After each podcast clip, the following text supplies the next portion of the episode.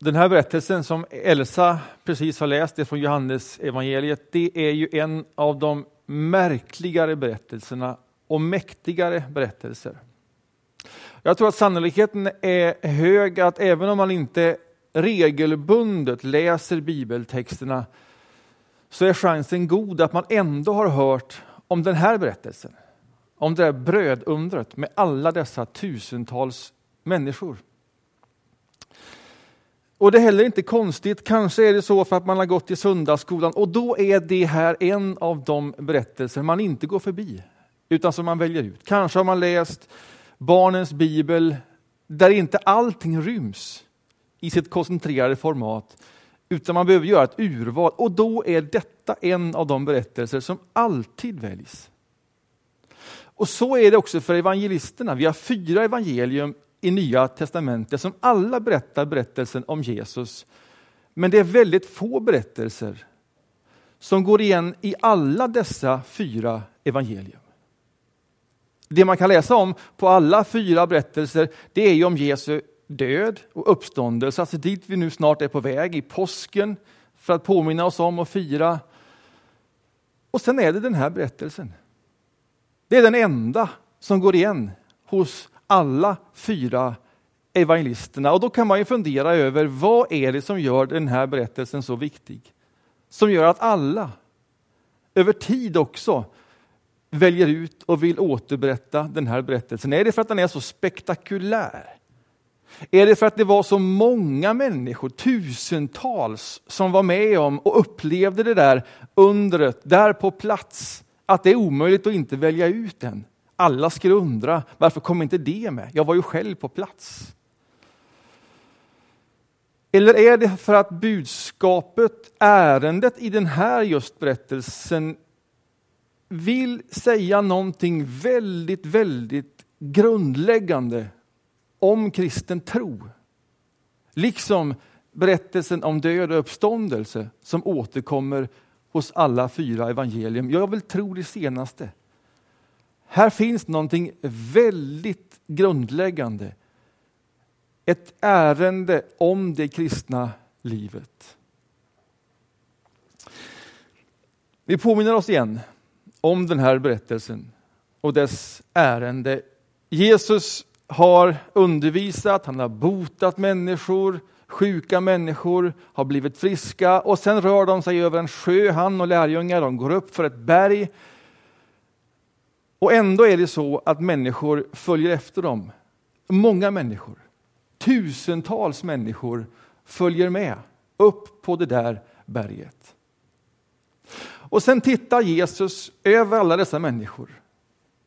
Och sen ställer han en fråga till lärjungarna omkring sig och det är Filippos som får den riktad personligt till sig. Ja, hur ska vi nu ta hand om alla de här människorna? Hur ska de få någonting att äta? kan man ju tänka sig att detta skulle ju vara ett problem för de människor som hade valt att följa Jesus. Alltså om man nu själv följer med denna vägen, en stor skara går upp för det här berget, då kan man ju ändå känna att, att någon from, form av framförhållning borde de ha. Alltså, ta med sig ett stycke bröd, någonting, en flaska vatten. Lite eget ansvar skulle de väl ändå behöva ha med sig om de nu gav sig iväg där, kanske med sin familj också. Det är väl rimligt att tänka sig. Men Jesus, han ser på dem och ställer ändå frågan. Nu är de här. Vem ska hjälpa till att få ordning på det här? Så att de får någonting att äta. Och frågan går till Filippos. Och här känner jag med Filippos. För Filippos han har ju inte en susning. Ja, hur i hela världen ska det här gå till? Han ser den här stora oändliga skaran människor och sen får han frågan av Jesus. Hur ska vi nu lösa det här? Och dessutom så visste Jesus svaret, läste vi om i berättelsen. Han vet hur det ska gå till och ändå ställer han en fråga. Han skulle ju lika gärna kunna hoppat över frågan och bara talat om, nu löser vi situationen så här, så alla får någonting att äta. Men det är inte Jesus väg. Som så ofta ställer han en fråga för att bjuda in. För att också vi ska komma med någonting till bordet. Filippos får den här frågan, ja hur, hur ska det här gå till? Och jag flyttas tillbaks till min mattelektion när matteläraren pekar ut precis mig i en svår ekvation och frågar vilket tal är det som saknas här? Och alla vet att läraren vet. Och jag vet att jag har inte en susning. Och vilket tal jag än väljer så är det som att det räcker inte till. Och det är ju också Filippos svar.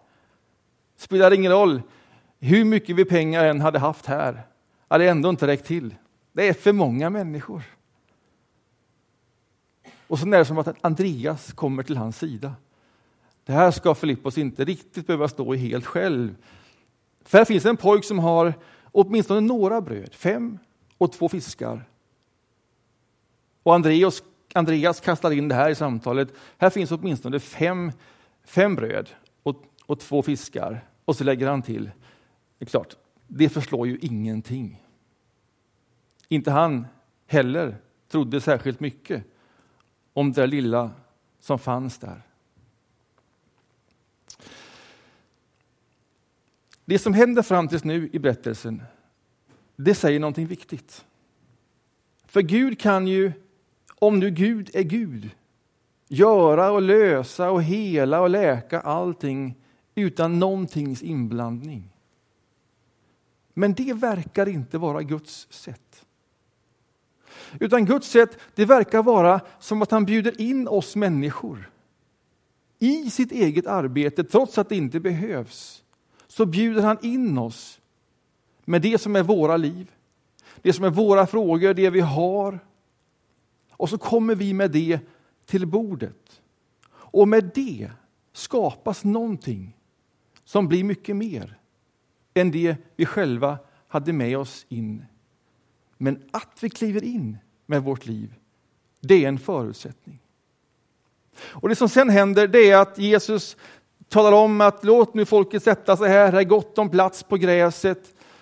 Och sen tar han de där bröden och fiskarna och så gör han någonting väldigt enkelt av det. Han tar dem, han tackar Gud och sen delar han ut det. Det där är så enkelt som man nästan bara går förbi det där. Han tar det som fanns där, som uppenbart inte räcker till för att möta alla de behov som fanns. Han tackar Gud och sen delar han ut detta. I det där ryms en stor hemlighet. En syn på livet, på allt som har blivit mig givet. För det är ju så enkelt att vi likt Filippos, när vi ser på alla behov som finns i denna värld, och man behöver inte gå särskilt långt. Man kan stå här ganska nära och se på sitt eget liv, de nära det jag har omkring mig.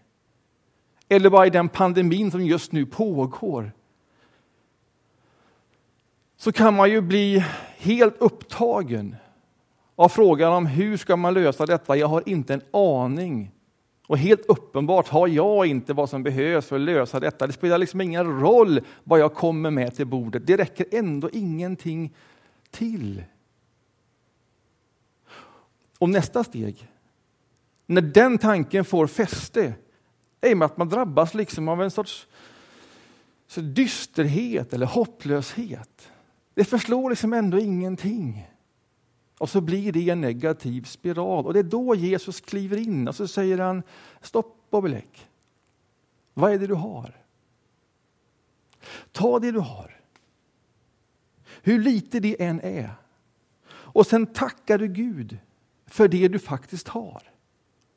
Och det där kan vi alla göra. Oavsett hur mycket eller lite vi har så finns det någonting i livet som vi kan tacka för. Och om vi inte gör det så finns risken att vi inte längre ens ser det vi har. Och bara det att vi tar någonting, det vi har, vi sätter ord på det, det kan man göra väldigt enkelt innan man äter sin måltid. En tyst tanke, tack gode Gud för den här maten. Eller man kan avsluta sin dag på det sättet att minnas det jag nu varit igenom, människor jag har mött och det jag har varit med om och det jag har omkring mig här. Och sen formulera det som ett tack. För jag tror och är övertygad om att när vi gör det så händer det någonting när vi ser på det som vi har och som vi är. Som en gåva. Det vill säga vi tackar Gud för detta. I all sin litenhet så tackar vi Gud. I den rörelsen så fäster vi inte hela vår uppmärksamhet på det helt olösliga. Det vi inte vet hur det ska gå till. Vi fäster det på gåvan som vi har fått i tacksamhet och då öppnar vi våra sinnen. Vi ser på världen på ett nytt sätt genom detta. Och det stannar inte där. Utan detta som har blivit mitt liv, vad ska jag göra med det? Ja, det ger jag vidare. I all sin enkelhet. Det finns någonting storslaget i detta och det finns i den här berättelsen lager på lager. För det jag nu berättar, det är inte bara ett stycke positivt tänkande. Att glaset välj att se det som halvfullt istället för halvtomt och ha ändå någonting. Nej, nej, nej, det är djupare än så. Det är ett förhållningssätt till hela livet. Det handlar om hur jag faktiskt ser och vad jag fäster blicken på. För när jag fäster blicken på det jag har, när jag tackar Gud för det, då kommer Gud in i mitt liv, i min ekvation, i allting. Och det gör all skillnad i världen. Därför är det så viktigt. Och vad är det då jag har? Ja, kanske mycket mer än vad man först tänker sig.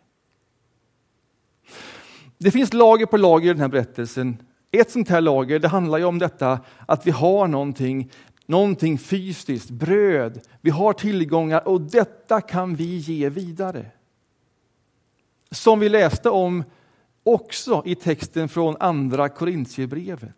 Gud förmå ge er allting i överflöd, inte för att ni ska få mer och mer och mer och mer, utan så att ni också kan ge vidare detta i överflöd. Det finns en idé med detta. Det vi har fått som gåva, det ger vi som gåva. Det finns ett flöde i detta. Så är det tänkt. Och att tacka Gud, det öppnar sinnena för den rörelsen. Men det är ju inte bara så att vi har saker och pengar och tid. Vi har mer än så. Och det är ett sånt lager i den här berättelsen. För i den här berättelsen kan man också läsa det som sker. Det Jesus gör när han lyfter brödet så är också det en symbol, inte bara för ett fysiskt bröd utan också för det av bröd som man behöver för sitt inre liv. För mitt inre jag. För vi lever ju inte bara av det fysiska. Det räcker inte för oss. Vi har större och andra och djupare behov som också finns där. Som har att göra med vem jag är här, här inne. Och dit hör att bli sedd och älskad.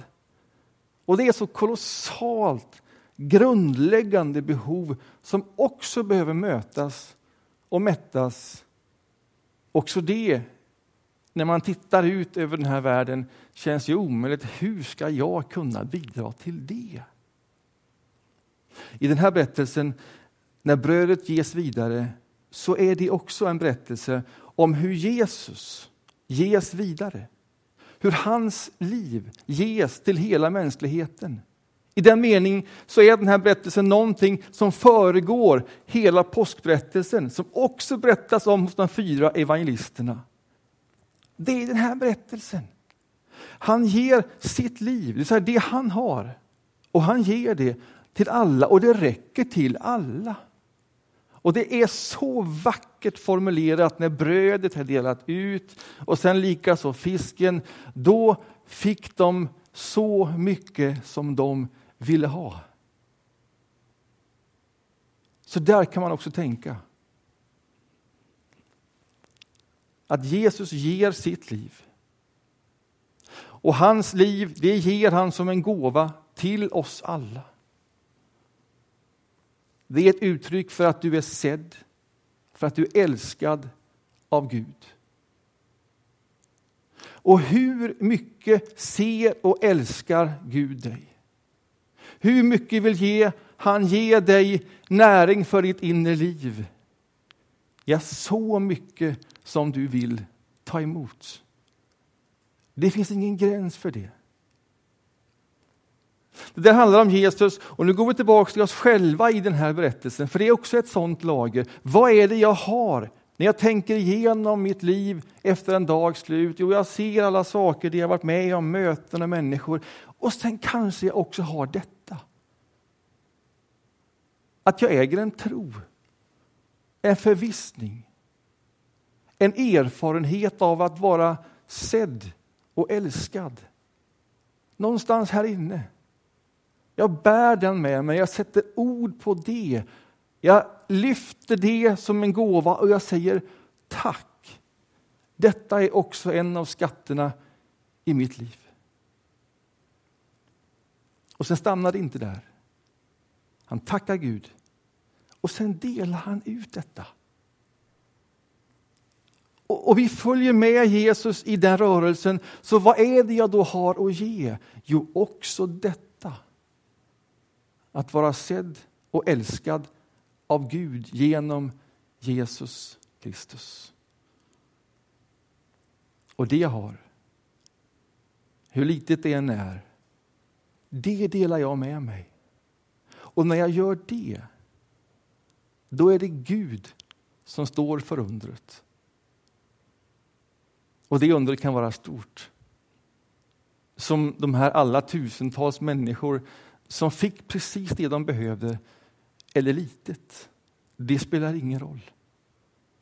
Det är Gud som står för undret. Vi tackar och vi delar med oss. Amen.